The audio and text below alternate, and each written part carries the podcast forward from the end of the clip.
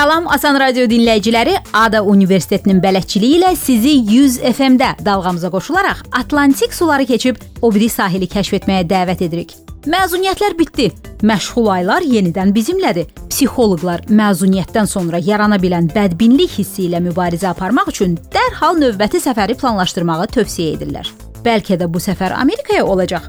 Elə isə hər cümə günü saat 18:45-də 100 FM-ə köklənin Hello America proqramında Amerika cəmiyyətinin siyasi və sosial fərqlilikləri, ənənələri, mədəniyyəti barədə danışırıq.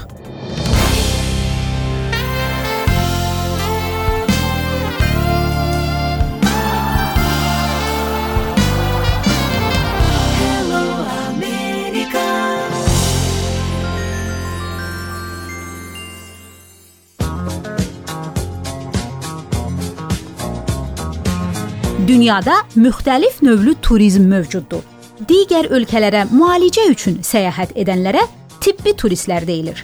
Termin daha sərfəli tibbi xidmətlər axtaran Amerikalıların sayının çoxalması nəticəsində formalaşıb. Əlbəttə ki, Birləşmiş Ştatlar özü də dünyanın elm və texnologiya baxımından aparıcı ölkəsi kimi hər yerdən tibbi turistlər cəlb edir. Lakin son illərin meylləri bu trendin əks istiqamət aldığını göstərir. The American Journal of Medicine nəşrinin məlumatına görə son il 1.5 milyon Amerikalı tibbi xidmətlər axtarışında ölkələrindən kənara səyahət ediblər. Bunun səbəbi isə ABŞ-da xəstəxana və müalicə xidmətlərinin bahalaşmasıdır. Qiymətlər o qədər əlçatmazdı ki, Amerikalılar digər ölkələrdə xidmətlərə 30% endirim tapdıqları təqdirdə belə müalicə üçün səyahət etməyə hazır olurlar. Qiymət fərqi isə həkimlərə və digər tibbi heyət üzvlərinə verilən maaşların fərqindən yaranır. Əlavə olaraq digər ölkələrdə həkimlər tibbi praktika üçün ABŞ-dakı kimi məcburi sığortaya pul sərf etmirlər. ABŞ-ın səhiyyə sistemində əhəmiyyətli dəyişikliklər olmasa, Amerikalı tibb turistlərinin sayının hər il 25% artacağı gözlənilir.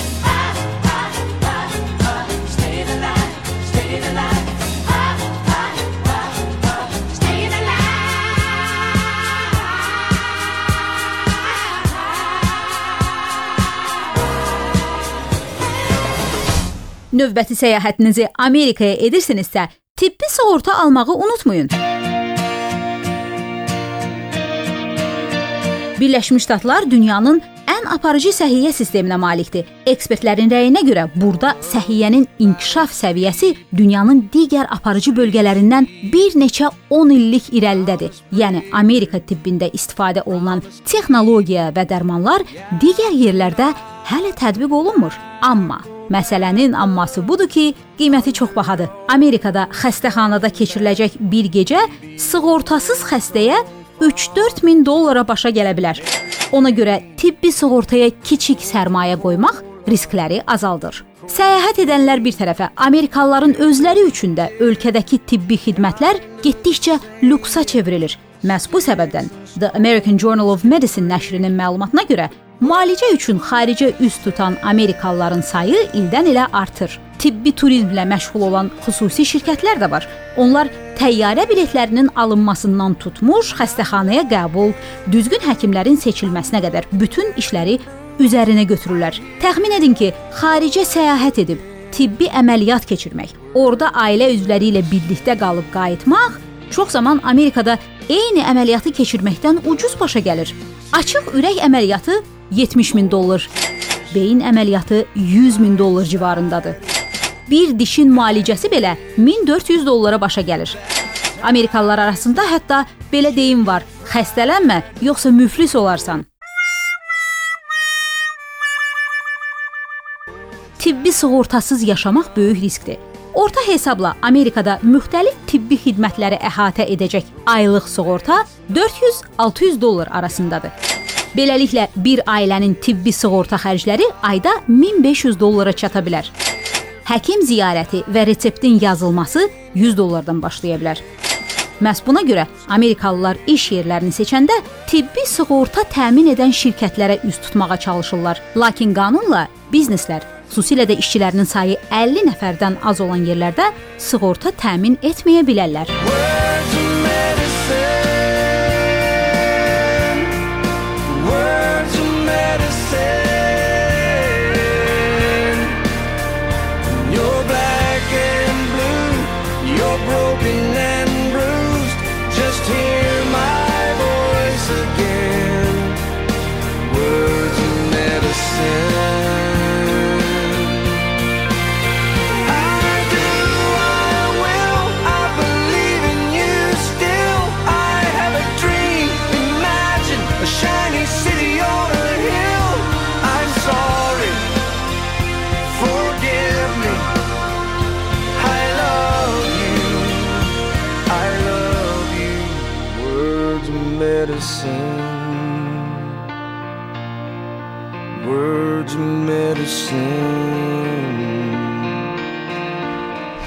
Bir çox aparıcı ABŞ tibb mərkəzləri, Harvard, Boston, Johns Hopkins, Cleveland universitetlərinin klinikaları artan səhiyyə qiymətləri şəraitində tibbi turistləri cəlb etmək üçün Amerikadan kənarda mərkəzlər açıblar. Sığortasızlar isə müalicə üçün yaxınlıqdakı ölkələrə, Meksika, Kosta-Rikaya üz tuturlar. Amerikalıların tibbi turizm üçün gəldikləri ölkələr arasında Hindistan, Sinqapur, Türkiyə də var. Onların ən çox xidmət axtardığı tibbi sahələr isə diş müalicəsi, uşaq planlama, orqan köçürülməsi və plastik əməliyyatlardır.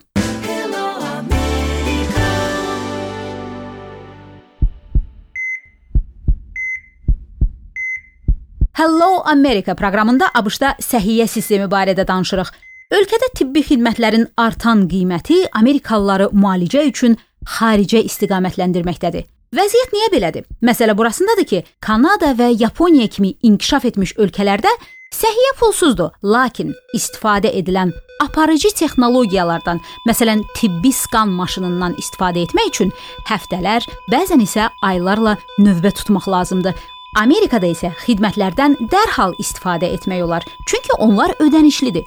Tibbi texnologiyalar bahalı olduğuna görə ictimai sektorun onları kifayət sayda əldə etməyə resursu çatmır. ABŞ-da isə bu xidmətlər özəl sektor tərəfindən təklif olunur. Xidmətlər daha sürətli və rahatdır. Dərmanlar arasında belə eyni xəstəliyi müalicə etmək üçün daha keyfiyyətli və sürətlə təsir edənləri təklif edilir. Lakin bunun hamısının qiyməti var. Məhz bu qiymət ABŞ səhiyyə sisteminə müalicə almaq üçün dünyanın ən bahalı ölkəsi adını qazandırıb. Yeah!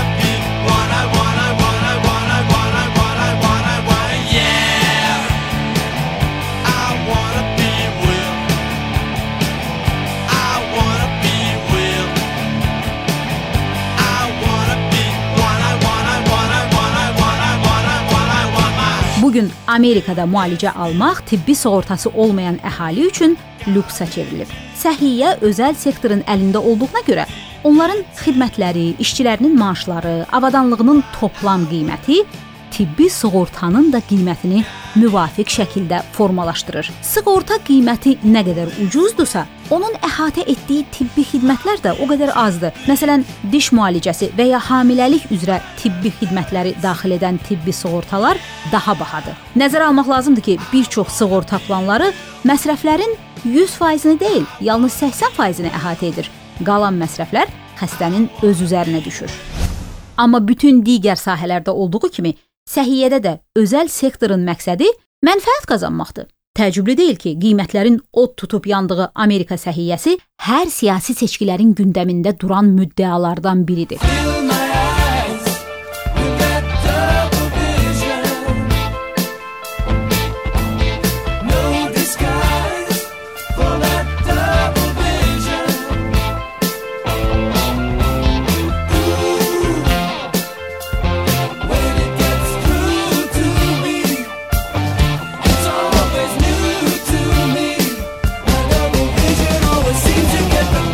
Ötən proqramımızda ABŞ-da siyasi arenaya hökm edən iki partiya, demokratlar və respublikaçılardan danışmışdıq. Qarşıdan gələn 2020-ci ilin seçkilərində də bu iki siyasi düşərgə Amerikalıların gündəlik həyatının ən bahalı sahəsini ünvanlamağa çalışacaqlar. Burada fərqlər nədir? Respublikaçılar mühafizəkar mövqedən irəli gələrək səhiyyə sisteminin özəl saxlanılmasının tərəfdarıdırlar. Hökumətin buna qatışmamasını istəyirlər. Hesab edirlər ki, azad bazar və sağlam rəqabət qiymətləri tarazlayacaq. Demokratlar liberal mövqedən gələrək bildirirlər ki, bazarı tənzimləməyərək bütünlüklə özəl şirkətlərə buraxmaq inhisarların yaranmasına gətirə bilər. Bunun nəticəsində şişirdilmiş qiymətlər bir çox Amerikalılar üçün səhiyyəni əlçatmaz edər. Bu iddia Amerikanın gündəlik reallığına daha uyğundur. Bayaq qeyd etdiyimiz kimi, tibbi sığortası olmayan adamın Amerikada kiçik bir əməliyyat nəticəsində müflis olması ehtimalı yüksəkdir. Demokratlar Almaniyaya, Yaponiyaya, Kanadada olduğu kimi hökumət tərəfindən verilən məcburi tibbi sığortanın olmasını təklif edirlər. Lakin bu modeldə insanların istədikləri vaxt istədikləri xidməti almaq şansları da azalır. Çünki xidmətlərdən istifadə edənlərin sayı və xidmətləri gözləmə vaxtı uzanır. Xəstələrin vəziyyəti və həyatı üçün bu həlledici ola bilər. Belə ağır çəkili siyasi məsələni yerindən tərpətmək üçün ABŞ-ın icraçı və qanunverici orqanları, yəni Ağ Ev və Konqresdə hakimiyyət eyni partiyada olmalıdır. Yoxsa davamlı siyasi çəkişmələr nəticəsində məsələ bir nöqtədən tərpənmir. Bu arada The American Journal of Medicine nəşri bildirir ki, belə getsə, tibbi turizm Amerika səhiyyəsinə Yaponiyanın avtomobil sənayesinin Amerikanın avtomobil sənayesinə etdiyini edəcək. Yəni etibarlı və ucuz məhsullar müştəriləri qazanacaq. Amerikan ingiliscəsini öyrənirik rubrikamızın məsləhətçiləri ingiliscə ali təhsil verən Ada Universitetinin akademik məqsədlər üçün ingilis dili proqramının müəllimləridir. ABŞ-ın bahalı səhiyyə sistemində necə sağlam qalmaq olar? Bəlkə sizə öyrədəcəyimiz növbəti ifadə kömək oldu. An apple a day keeps the doctor away. An apple a day keeps the doctor away.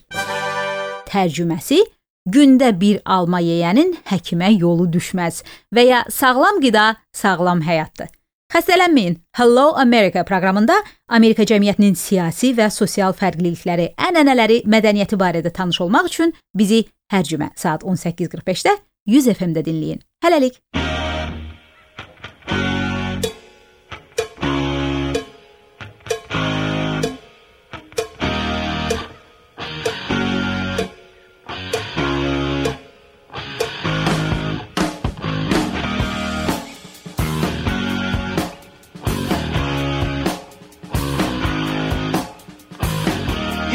My love, baby, oh so bad. You're not the only one I've ever had. And if I say I wanna set you free, don't you know you're